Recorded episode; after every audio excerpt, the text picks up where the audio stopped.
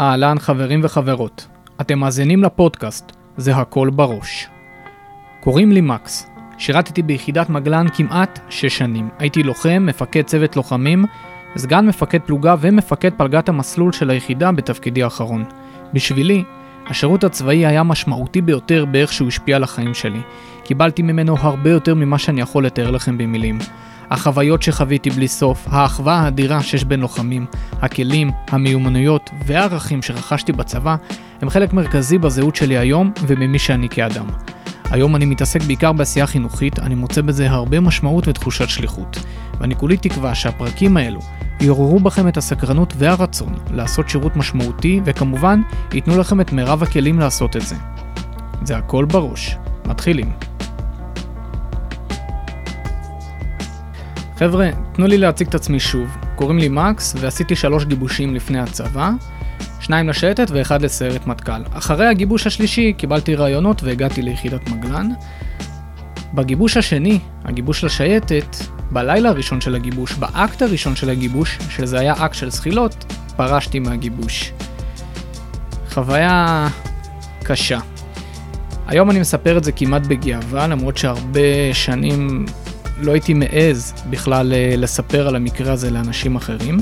למה כמעט בגאווה? כי אני לא באמת גאה בזה מול אנשים אחרים, אבל אני כן יכול להגיד לכם, באמת ובתמים, שזה אחד האירועים הכי טובים שקרו לי בחיים.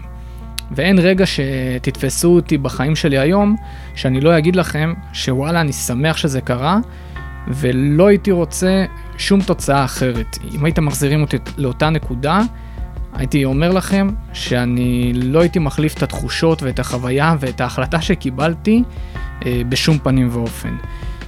למה ואיך אנחנו נגיע לזה עוד מעט בהמשך הפרק, ובאמת, מה שאני רוצה לדבר איתכם עליו היום זה כישלונות.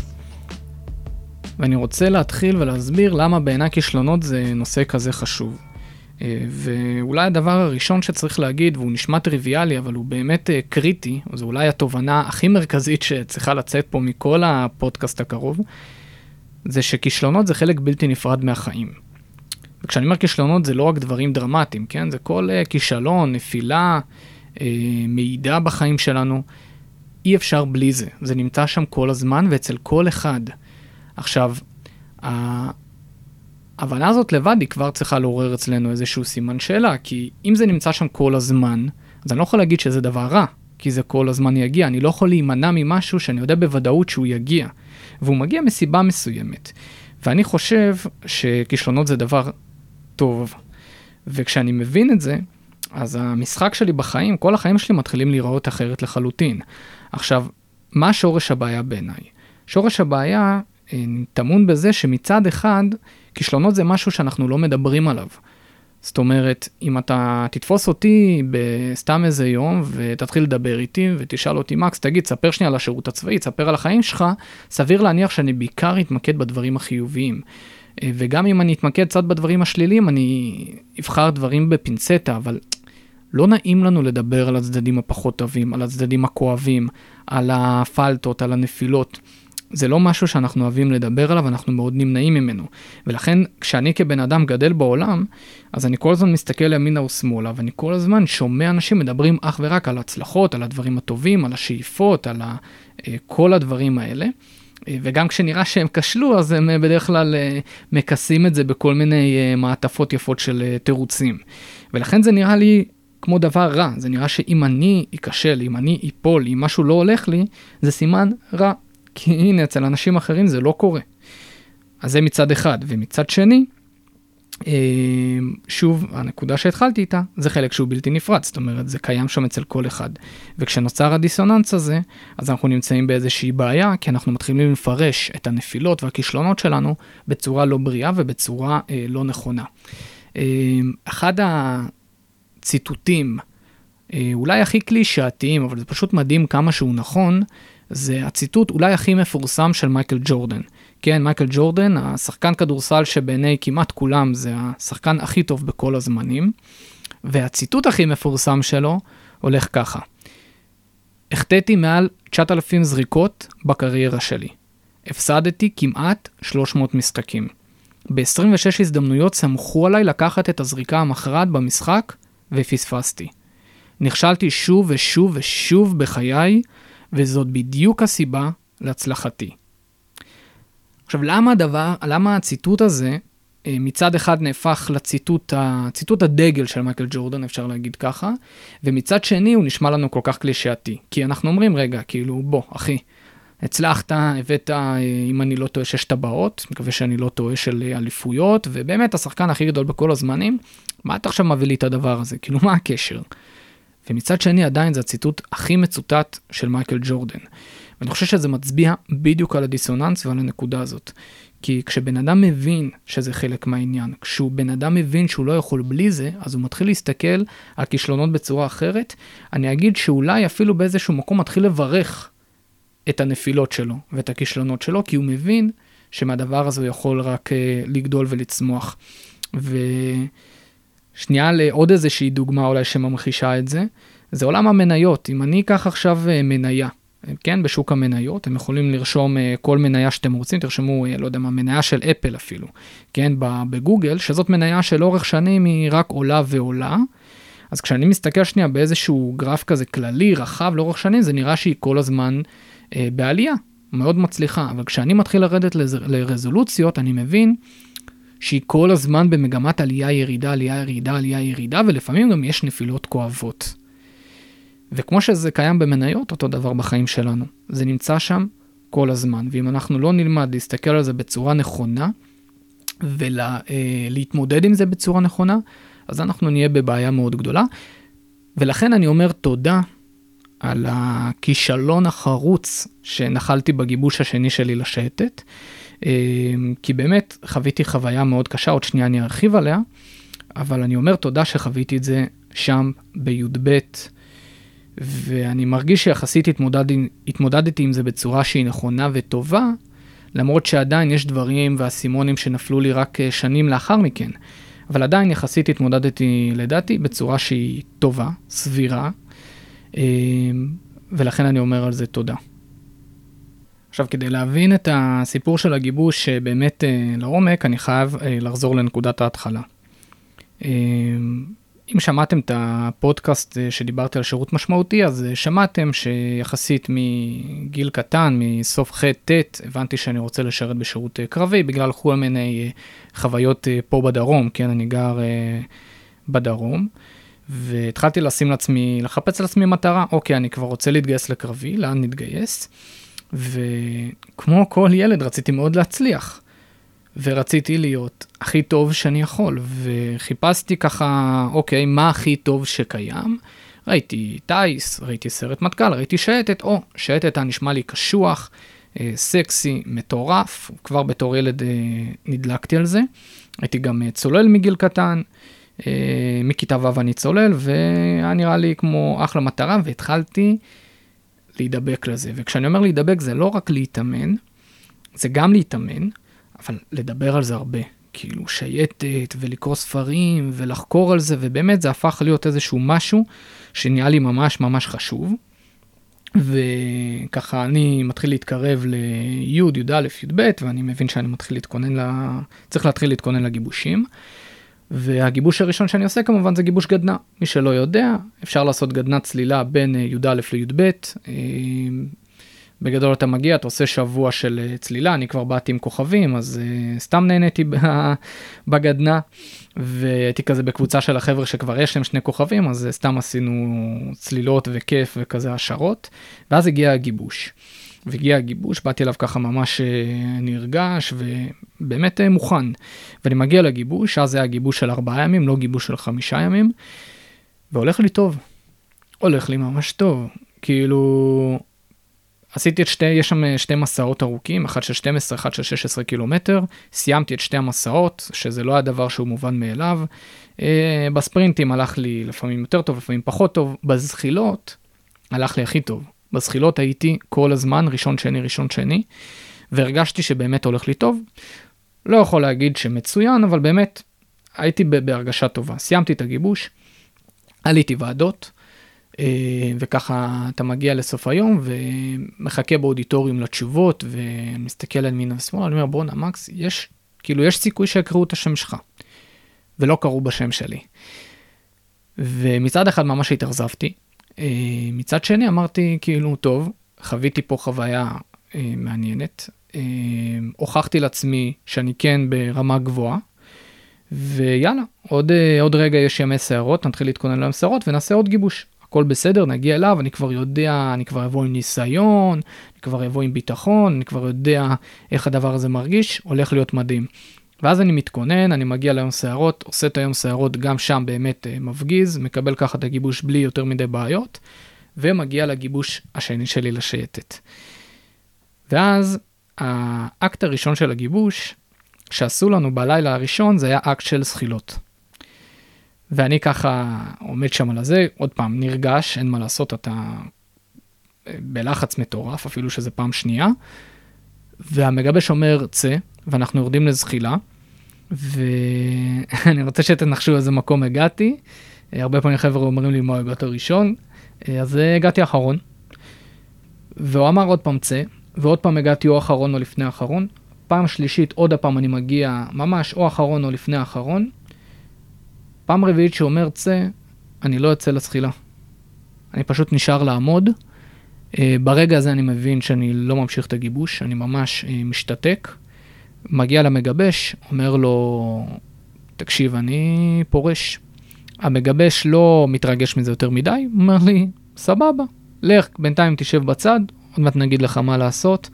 בגדול שם סיימתי את הגיבוש, הלכתי לישון, קמתי בבוקר ובצהריים יצאתי. וזאת אה, חוויית הכישלון שלי בגיבוש עם הפרישה. יכול אה, ממש לחזור בקלות לתחושות שהרגשתי אז, תחושה מאוד קשה. אה, תחושה פשוט נוראית. הבטן שלי התהפכה, באמת, אחרי שעה וחצי כבר התחלתי לשאול את עצמי איך הגיוני שעשיתי את הדבר הזה, מה קרה פה.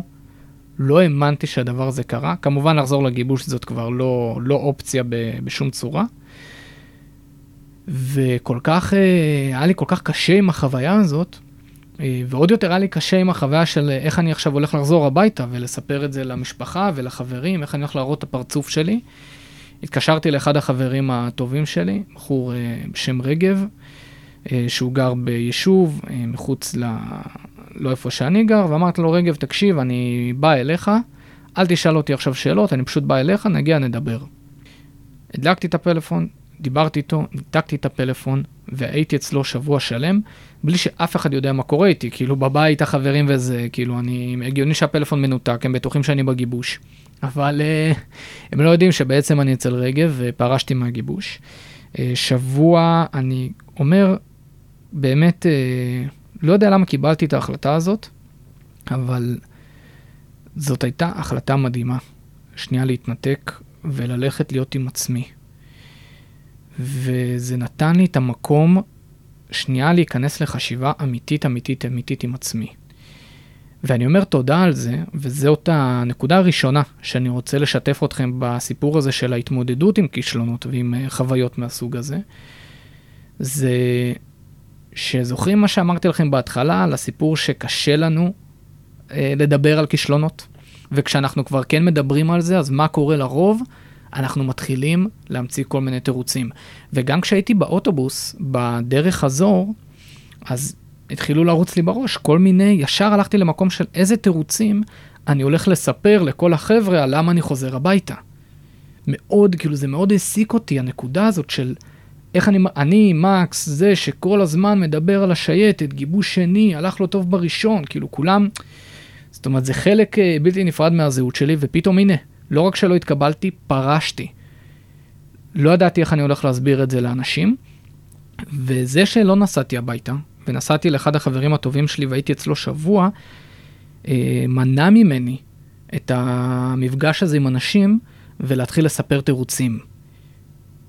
וזאת אחת הבעיות הכי גדולות שאנשים עושים כשהם נכשלים. הם מתחילים לספר תירוצים כי הם מפחדים איך הדבר הזה ייתפס אה, בחוץ, והם מספרים עכשיו, זה לא שחור ולבן, זה לא שכאילו, לפעמים גם יש אירועים כאלה שבן אדם ממש נותן פה איזה תירוץ, אני בטוח שאתם מכירים כאלה, שאתה שואל אותו, רגע, למה אה, לא התקבלת? כי עזרתי לאיזה מישהו, ובמקום אה, ללכת קדימה עזרתי לחברים, ובגלל זה לא ראו אותי, וכל מיני שטויות כאלה, ממש כאילו נותנים תירוצים, אה, באמת יכולים להיות שחקנים בבימה.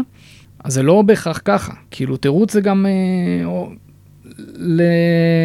לתפור איזה חליפה יפה שתישמע מצד אחד טוב, אבל, אבל מצד שני זה לא באמת אמת, אה, לא יודע, אה, באתי ולא הרגשתי טוב, או נקעתי את הרגל. עכשיו, מה הבעיה בזה? שאתה מספר את התירוץ הזה החוצה, אבל אתה באמת באמת מספר את התירוץ הזה פנימה. כי מה שקורה בראש, כדי שאתה תוכל למכור את התירוץ שלך החוצה, ללמה זה קרה, ללמה נפלת, ללמה לא הצלחת, אתה קודם כל מנסה באמת לשכנע את עצמך שזאת הסיבה, כדי להיות אמין. ואתה מתחיל להאמין לסיפור הזה. עכשיו, הבעיה בזה היא ענקית, כי אם אתה בכל כישלון, בכל נפילה, אתה מספר סיפורים לעצמך ללמה זה קרה, וזה קרה בגלל ההוא, וזה קרה בגלל האי, וההם אשמים, והמורה אשם, וההורים שלי אשמים, והמפקד ככה, וההוא ככה, והסיטואציה, והייתי פצוע, אז אתה לא באמת משתפר מהאירועים האלה, ואתה בעיקר נתקע במקום. והזמן הזה שהיה לי לחשוב עם עצמי, גרם, אה, נתן לי את המרווח באמת באמת אה, להבין למה הדבר הזה קרה. עכשיו, אז הבנתי את זה חלקית, עם הזמן הדבר הזה התבהר לי יותר ויותר, אבל אחד הדברים שהבנתי, זה שמה שקרה לי ברמה הפסיכולוגית, אם אני שנייה מנתח את זה היום אחורה, זה שהיה לי ביטחון מאוד מופרז, ופתאום הגעתי לשם עם איזשהו חזה נפוח, עם אמונה שגם אם בסוף בסוף בסוף אני לא אתקבל, כנראה ילך לי יחסית טוב וכנראה שנסיים. ופתאום באקט הראשון, ואני מזכיר לכם, זחילות, זה מה שבגיבוש הראשון הייתי הכי טוב בו, פתאום אני מגיע אחרון, הפער הזה, היה לי קשה מדי לשאת אותו, וזה שבר אותי מנטלית. עכשיו, כמובן שאתה גם, אה, לקחתי מפה שיעורים לחיים שהם, אה, אחד, לא לזלזל, אף פעם לא לבוא באיזשהו ביטחון עצמי מופרז, להגיע עם ביטחון עצמי אבל עם ענווה, לא לזלזל בדברים. אה, כמובן שגם אה, אחד השיעורים שלמדתי פה על בשרי זה איך אתה מרגיש אחרי שאתה פורש. הרגשתי את זה ברמה כזאת שמאז אמרתי לעצמי, לא משנה מה קורה, אני יותר בחיים, לא פורש משום דבר, אני לא הולך לחוות את התחושה הזאת שוב בחיים. כאילו זה, זה שנייה באיזשהו רבד, אה, רובד שהוא נמצא שם, אבל הוא לא כזה עמוק. במקום העמוק יותר, אני מאוד כיוונתי תוצאה. זאת אומרת, מבחינתי מה שהיה חשוב זה התוצאה. זה האם אני אתקבל או שאני לא אתקבל. זה מה שהיה לי חשוב. וברגע שהדבר הזה התערער ונסדק בזה שהגעתי אחרון בסחילות, ובאותו רגע התגנבה לי המחשבה לראש וההבנה שכנראה שלא יקבלו אותי, כנראה שאני נמצא בקבוצה חזקה, כנראה שאני לא באמת מוכן, והאמונה שאני אתקבל או לא אתקבל נסדקה, אז פרשתי. ופה אני רוצה לתת לכם אה, איזשהו שיעור נוסף על כישלונות. אז הראשון אמרתי באמת לא לתרץ, ולשנייה לעשות אה, חקר אמיתי ולהבין באמת למה הדבר הזה קרה, על מה זה ישב, ללמוד מזה את הלקחים אה, ולהשתפר להבא. ולהבין שזה משהו שמשפר אותי להמשך. הדבר השני, להבין שאני לא יכול לתלות את ההצלחה שלי בחיים על uh, אירועים, על אירועים uh, חד פעמיים, אם הצלחתי בגיבוש או שלא הצלחתי בגיבוש. ואני מציע לכם להתחיל uh, להסתכל על החיים שלכם ולדבר בשפה של ערכים, לא בשפה של תוצאות, אלא בשפה של ערכים. ואני אתן לכם דוגמה למה אני מתכוון. כשאתם מסתכלים על, uh, על היותכם לוחמים נגיד במקום כזה או אחר, או חיילים, או במודיעין, או לא משנה איפה, אל תבנו לעצמכם הערכה עצמית בהתאם להאם אתם נמצאים שם או שאתם לא נמצאים שם. את הערכה העצמית שלכם ואת הציפיות שלכם תבנו לפי מה אתם מצפים מעצמכם בתור אנשים. איזה לוחמים אתם רוצים להיות. האם אני רוצה להיות באמת אותו בן אדם שלא מוותר לעצמו ברגעים קשים? האם אני רוצה להוכיח לעצמי שאני מסוגל להיות חבר טוב גם כשהמצב לא נוח? זה ערכים. עכשיו תקשיבו, אין בעיה גם אה, בשאיפות לתוצאות ואני רוצה להתקבל לשייטת, או שאני רוצה להתקבל 8200, או להיות מנכ"ל של חברה, או you name it, לא משנה מה. אין בזה בעיה, אבל זה לא יכול להיות הדבר העיקרי. וזה בטח ובטח לא יכול להיות הדבר היחיד. מתחת לזה חייבים להיות ערכים. וכשיש לך בסיס ערכי חזק, זאת אומרת, אני מגיע לגיבוש כשאני מבין שמה שבאמת באמת חשוב פה זה זה שאני רוצה להיות לוחם. זה עצם ההגנה על המדינה. ואני רוצה לתת מעצמי במקום שמסכן את החיים שלו, אני עושה את זה מתוך מקום אמיתי פנימי. זה כבר משהו שנותן לי איזושהי שכבת הגנה, שגם אם אני נכשל ונופל, אני לא נשאב לבאסה. אני לא נופל מזה לגמרי, כי אני מבין שיש פה משהו עמוק וחשוב יותר. והדבר השני, זה להציב לעצמי ערכים. אם אני בן אדם שמדבר ערכים, זאת אומרת, אני באמת רוצה להשתפר בכך שאני אחד כזה שלא מוותר לעצמו, וזה מה שחשוב לי, אז הדבר הזה יותר חשוב לי מהתוצאה. זאת אומרת, יותר חשוב לי להוכיח שאני לא מוותר, לא משנה כמה קשה, מאשר האם אני אתקבל בסוף או לא אתקבל. אם הייתי בא עם ה mindset הזה, עם התפיסה הזאת, הערכית הזאת, כנראה שלא הייתי פורש שם. לא מעניין אותי התוצאה בסוף. יותר מעניין אותי האם פרשתי או לא פרשתי, וזו תוצאה בפני עצמה. זה שלא פרשתי זו תוצאה. עברתי קושי, עברתי חוויה, והנה לא פרשתי, וזה יותר חשוב מהאם התקבלתי או לא התקבלתי בסוף, לצורך העניין פה לשייטת. אז אני חוזר על זה. דיברנו בהתחלה על באמת לא לתרץ. לראות בכישלון כהזדמנות להתפתח הלאה, ואיך מתפתחים הלאה, איך צומחים מכישלון, על ידי הפקת לקחים אמיתיים, כנים עם עצמכם, לא משנה כמה הם כואבים, ולהשתפר מהדבר הזה להמשך ולהפיק את הלקחים. הדבר השני, להבין שאני לא יכול להתבסס רק על תוצאות, שהן אה, תוצאות של, אה, של הישגים, של האם קיבלתי או לא קיבלתי 100, האם אה, התקבלתי או לא התקבלתי, אה, האם נהייתי או לא נהייתי מנכ"ל. זה גם חשוב. אבל יותר חשוב מזה זה הלונגרן. זה הדברים העמוקים יותר, זה הלמה, זה הערכים שלי, זה יותר חשוב, כי זה לטווח הרחוק. ואז זה לא שאני לא מתאכזב, אין בעיה. נכשלת, זה מבאס, זה כואב, וזה בסדר גמור, אבל אני לא שוקע בזה. הזהות שלי, מי שאני כאדם לא נשבר מזה, כי זה לא מי שאני, האם הצלחתי או לא הצלחתי בגיבוש. אני זה הערכים שלי. ואני אגב, הבנתי את זה אחרי זה בשנת שירות, וזה עוד אחד הדברים שהבנתי מהכישלון הזה, זה שבאמת באמת זה גרם לי להבין, להתעמק יותר לעומק, למה אני עושה את זה בכלל. נכון, התאכזבתי מזה שלא התקבלתי לשייטת, אבל זה גרם לי שנייה להתעמק בלמה אני בכלל רוצה להיות באמת באמת קרבי.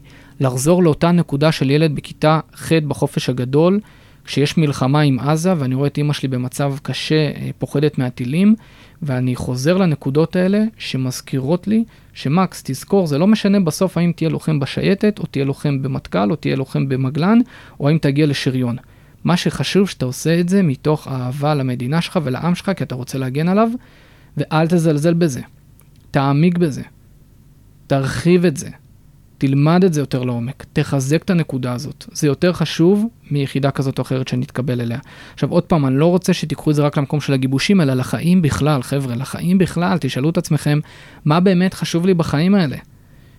והדבר הזה ייתן לכם תשתית חזקה להתמודד עם uh, כישלונות ונפילות.